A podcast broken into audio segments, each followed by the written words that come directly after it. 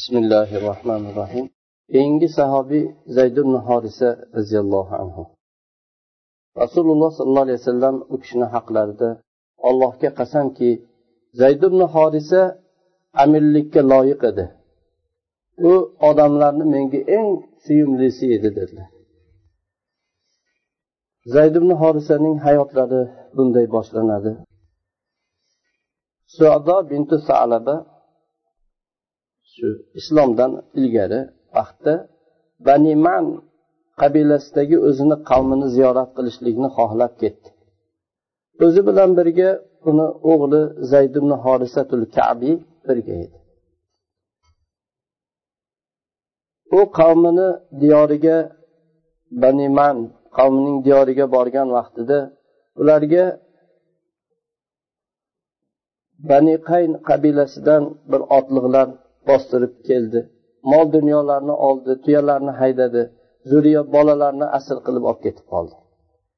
Ular o'zlari bilan birga olib ketganlarning ichida bolalar ichida zayd ibn horisa ham ketib qoldi.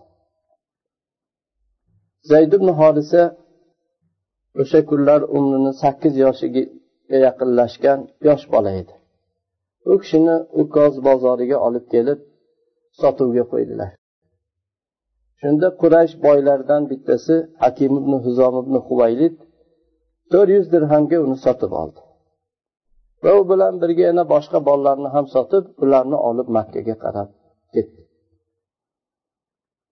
Bu hakim ibn huzomning ammasi hadija binti huvaylid hakimni kelganligini eshitib uni bir salom berib ziyorat qilib kelay deb bordi.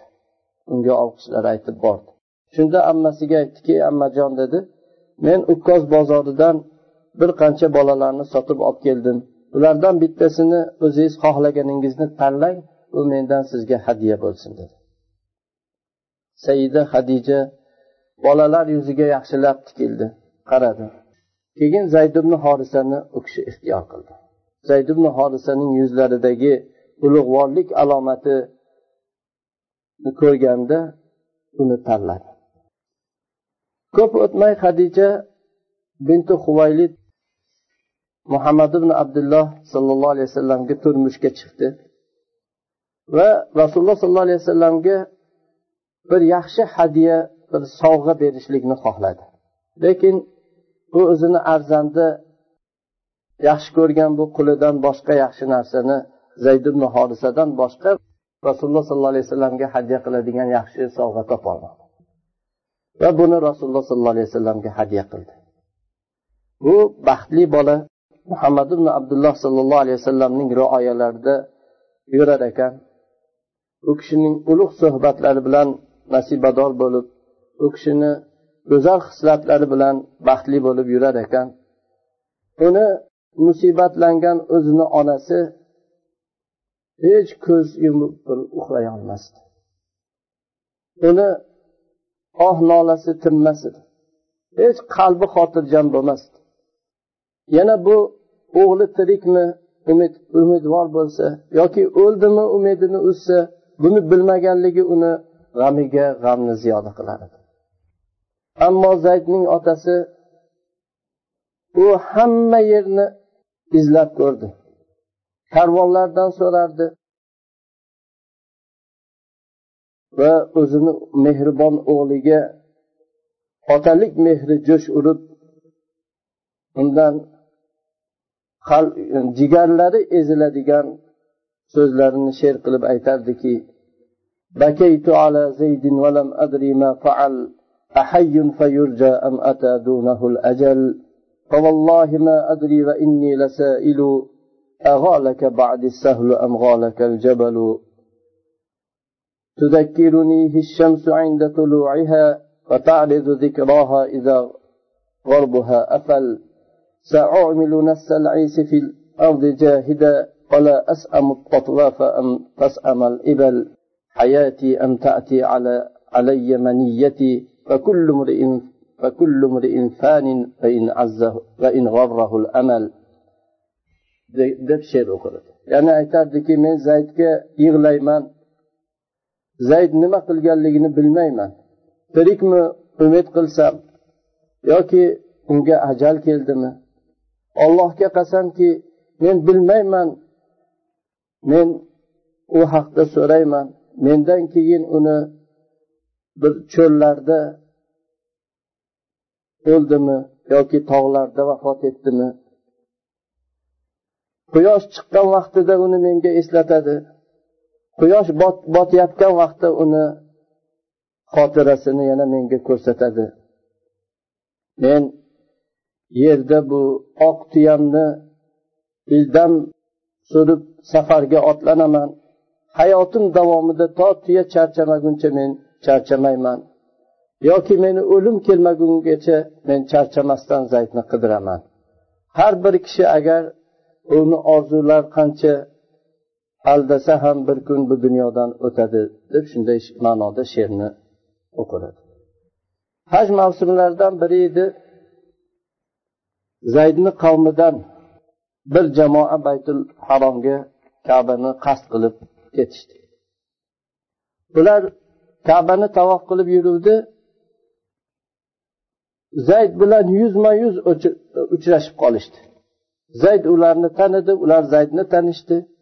Ulardan zayd ular ulardan so'radi ular zayddan hol ahvol so'radilar va ibodatlarni e, tugatib bo'lgandan keyin ular diyorlariga qaytib borib zaydni otasi hodisaga ko'rganlarini va eshitganlarini xabar berdilar.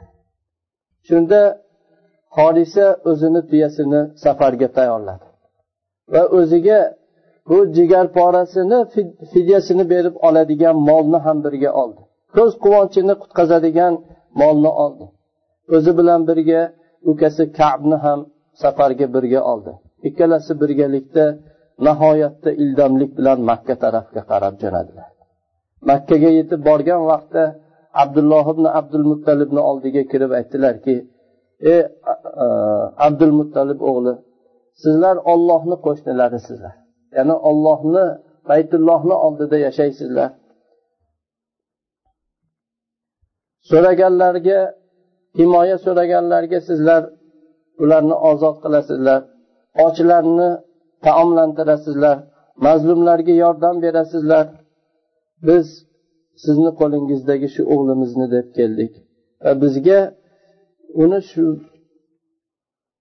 siz sarflagan dunyoni qaytaradigan molni olib keldik. Bizga yaxshilik qiling uni fidyasini oling xohlagan xohlagancha siz oling uni o'g'limni bering deb kelishdi. Shunda rasululloh sollallohu alayhi vasallam sizlar aytayotgan o'g'lingiz kim deb so'radilar. Ular qulingiz zayd ibn horisa deyishdi. Ha unday bo'lsa bu siz aytayotgan fidya pulini berishlikdan ko'ra yaxshiroq menda bir taklif bor dedilar. Ular nima u taklifingiz? Zaydni chaqiramiz dedilar. Zaydga men bilan sizlarni o'rtangizda ixtiyor beramiz. Agar zayd sizlarni ixtiyor qilsa u hech qanday mol dunyosi sizlarniki olib ketaveringlar. Agar meni ixtiyor qilsa allohga qasamki men ixtiyor qilgan kishidan yuz o'giradigan odam emasman. Shunda ular adolat qildingiz insof qildingiz insofni maromiga yetkazdingiz dedi. Rasululloh sollallohu alayhi vasallam zaydni chaqirdilar. Zayddan so'radilar bu ikkalasini taniysanmi? Kim bular? Zayd aytdilarki bu kishi meni otam subahil e, bu meni amakim kab dedi. Shunda rasululloh sollallohu alayhi vasallam biz senga ixtiyor berdik. Agar xohlasang ular bilan birga ket xohlasang men bilan birga qol bu yerda dedilar. Shunday sodda hal qildi. Shunda zayd hech ikkilanmasdan men siz bilan qolaman dedi. Otasi chinqirdi ey zayd dedi. Ey holingga voy ota onangdan ko'ra sen qullikni o'zingga ixtiyor qilasanmi dedi. Shunda zayd aytdiki men bu odamda bir ulug'likni bir narsani ko'rdim. Men bu odamdan ajralmayman dedi. Rasululloh sollallohu alayhi vasallam zayddan bu holatni ko'rganlarida zaydni qo'lidan tutdilar. Shu baytul haromga kabani oldiga olib bordilar. Hijri ismoilni oldida to'xtab bu yerda qurashlardan bir jamoa bor edi. Ey qurash jamoasi dedilar. Guvoh bo'linglar mana bu bola meni o'g'lim mendan meros oladi men undan meros olaman deb o'g'lim deb e'lon qildilar. Shunda yana zayd tamom qullikdan endi rasululloh muhammad sallallohu alayhi vasallamni o'g'illari bo'ldi. Zaydni otasi amakisi nihoyatda xursand bo'lishdi va zaydni muhammad ibn abdulloh oldilariga tashlab o'zlarini qavmlariga qalblari xotirjam bo'lib ko'ngillari tinchlanib qaytib ketishdi. Ana shu kundan boshlab zayd ibn hodisa zayd ibn muhammad deb chaqiriladigan u kishi zayd ibn muhammad deb chaqirildi to rasululloh sollallohu alayhi vasallam payg'ambar qilib yuborildilar. U kishiga risolat keldi va islom saqlandi o'g'ilni o'g'il olish saqlashlikni harom qildi. Botil qildi. Shu vaqtgacha u kishi zayd ibn muhammad deb chaqirildi. Alloh taolo oyatini nozil qildi. Ularni o'zlarini otalariga nisbatlab chaqiringlar. Shundan keyin qaytib zayd ibn horisa deb chaqiriladigan bo'ldi. Zayd o'zlarini ota onalaridan ko'ra muhammad sallallohu alayhi vasallamni ixtiyor qilgan vaqtlarida u kishi qanday katta bir o'ljani qo'lga kiritganligini bilmas edi.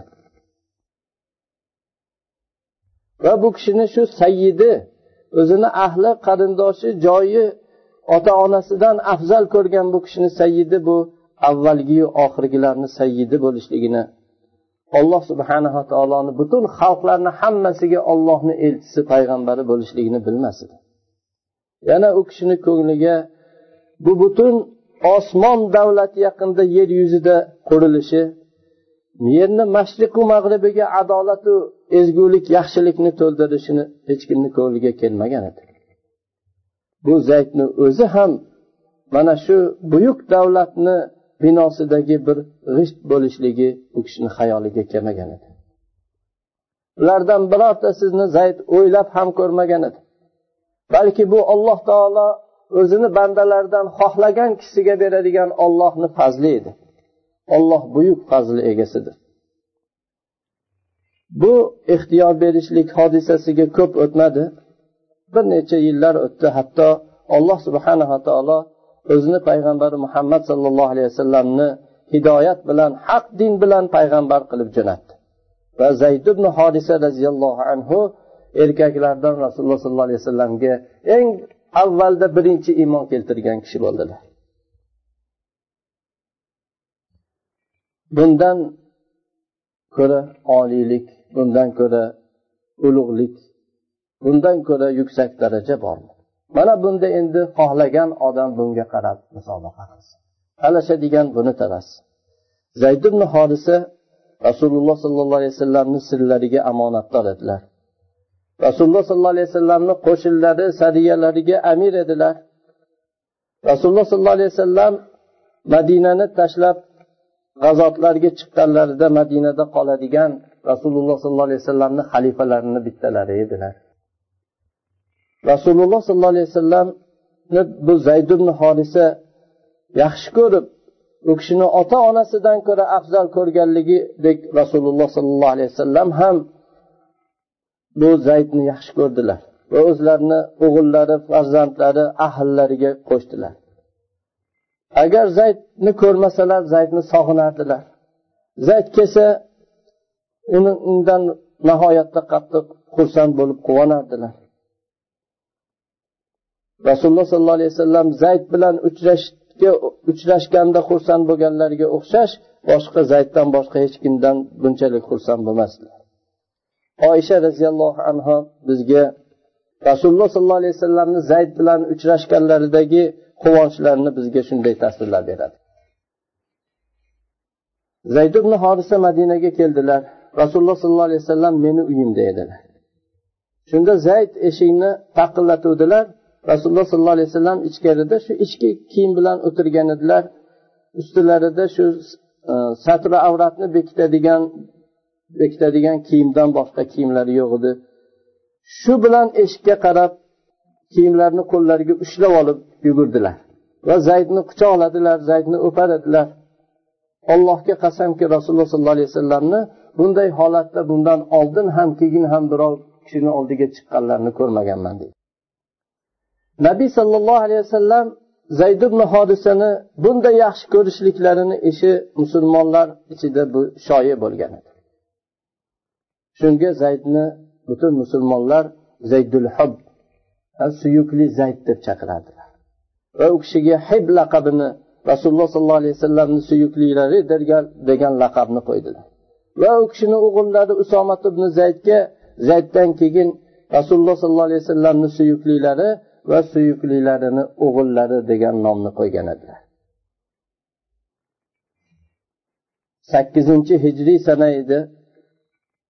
Alloh taboraka taoloning ulug' hikmati o'zini do'stini do'stidan judo qilishlik bilan imtihon qilishlikni xohladi. Rasululloh sollallohu alayhi vasallam hodis ibn umayrul azdiyni bir xat bilan busuro podshosiga uni islomga chaqirishlik uchun yuborgan edilar. Bu rasul sollallohu alayhi vasallamni elchilari horis urdunni sharqiy tarafidagi mo'ta degan joyga yetib borganlarida u g'asosina podsholaridan bittasi unga qarshi chiqdi shurahbil ibn amr va u kishini tutib oldi qattiq bog'lab qo'ydi keyin olib chiqib u kishini boshini tanasidan judo qildi. Ya'ni rasululloh sollallohu alayhi vasallamni yuborgan elchilarini kallasini oldi. Bu nabiy sollallohu alayhi vasallamga juda og'ir bo'ldi. Chunki bundan boshqa rasululloh sollallohu alayhi vasallamni elchilari qatl qilingan emas. Shunda uch ming kishilik askarni mo'ta jangiga rasululloh sollallohu alayhi vasallam tayyorladilar. Askarga o'zlarini bu suyuklilari zayd ibn hodisani amir qildilar. Aytdilarki agar zayd musibatlansa yetakchilik jafar ibn abi tolibga bo'ladi dedilar. Agar jafar ham shahid bo'lsa unda abdulloh ibn ravoha bo'lsin dedilar. Abdulloh ibn ravoha ham um, shahid bo'lsa unda musulmonlar o'zlaridan bir kishini o'zlariga saylaydilar dedi. Islom askarlari ketdi. Maon degan yerga yetib borgan vaqtlarida urdunni sharq tarafiga rum podshosi herakul yuz ming urushuvchi askar boshida rasosinalarni himoya qilishlik uchun musulmonlar jangiga keldi. Va bunga yana arab mushriklaridan yuz ming askar ularga yig'ildi. Mana bunday katta son katta nihoyatda qudratlik askar musulmonlarni urush yerlaridan uzoq bo'lmagan joyda yig'ildi. Musulmonlar maonda ikki kecha nima qilishlik haqida maslahat qilib qolib ketishdi. Ba'zilar aytar edi rasululloh sollallohu alayhi vasallamga xat yozaylik dushmanimizni adadini ko'pligini xabar beraylik. Rasululloh sollallohu alayhi vasallamni buyruqlarini kutaylik der edi. Ba'zilar ey qavm biz adad bilan quvvat bilan ko'plik bilan jang qilmaymiz. Biz mana bu din sababli ular bilan jang qilamiz der edi. Sizlar o'zinglar chiqqan maqsad sari yuringlar. Alloh taolo sizlarga ikkita yaxshi narsani bittasini bilan zafar topishingizga kafildir. Yo g'alaba bo'ladi yo shahodat bo'ladi. Bu ikki jamoat mo'ta yerida ya'ni uch ming kishilik musulmonlar askari ikki yuz ming rum askari bilan to'qnashdi. Musulmonlar butun rumni lol qoldirgan. Ularga mana bunday uch ming kishilik askar ularni ikki yuz minglik nihoyatda katta qudratli askarlariga otlanib tashlanib ularni qalbiga qo'rquvni to'ldirgan bir jang bilan musulmonlar u yerda jang qildilar.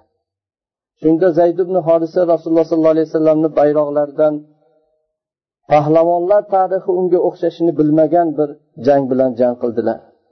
Hatto u kishining jasadlari tilka pora bo'ldi. Nayzalar shunday ilma teshik qilib tashlagan edi. U kishi o'zlarini qonlarida suzib shahid bo'lib yiqildilar. Bayroqni jafar ibn abi tolib oldilar. U kishi ham bayroqni himoya qilib nihoyatda ulug' bir himoya bilan jang qildilar va o'zlarini sheriklariga yetishdilar. Bayroqni abdulloh ibn ravoha oldi. Bayroq tarafidan u kishi ham katta bir qahramonlik bilan jang qildilar va sheriklari ketgan yo'lda u kishi ham davom etib ketdilar. Shunda odamlar o'zlariga holid ibn valid roziyallohu anhuni amir qildilar. U vaqtda holid ibn valid yangi islomni qabul qilgan edi. Holid ibn valid shu yettinchi yillarda islomni qabul qildilar. Ozgina vaqt o'tuvdi. Askarlarni u kishi qutqazib bu muqarrar bo'lgan yo'q bo'lib ketish ajal panjasidan askarlarni qutqazib qaytarib olib ketdi. Shunda rasululloh sollallohu alayhi vasallamga mu'ta xabarlari yetdi va bu uchta qo'mondonning shahid bo'lganliklari xabari yetib turardi. Rasululloh sollallohu alayhi vasallam bularga nihoyatda qattiq g'amgin bo'ldilar. Bunga o'xshash rasululloh sollallohu alayhi vasallam kam vaqt g'am chekardilar shunda zayd ibn horisani bolalariga oilalariga ularga ta'ziya bildirib rasululloh sollallohu alayhi vasallam bordilar. Zayd ibn horisani uylariga yetgan vaqtlarida zaydni kichkina qizchalari bor edi. Mujihisha u yig'i bilan rasululloh sollallohu alayhi vasallamga otildi. Yig'lar edi rasululloh sollallohu alayhi vasallam yig'ladilar. Hatto ho'ngradilar sad ibn uboda yo rasululloh bu nima? Nimaga bunday yig'laysiz? deb so'radi. Rasululloh sollallohu alayhi vasallam bu do'stni habibni o'zini habibiga qilgan yig'isidir dedilar alloh subhanava taolo ularni rahmat qilsin. Alloh rozi bo'lsin. Alloh ularni rozi qilsin سبحانك اللهم وبحمدك أشهد أن لا إله إلا أنت أستغفرك وأتوب إليك. والسلام عليكم ورحمة الله وبركاته.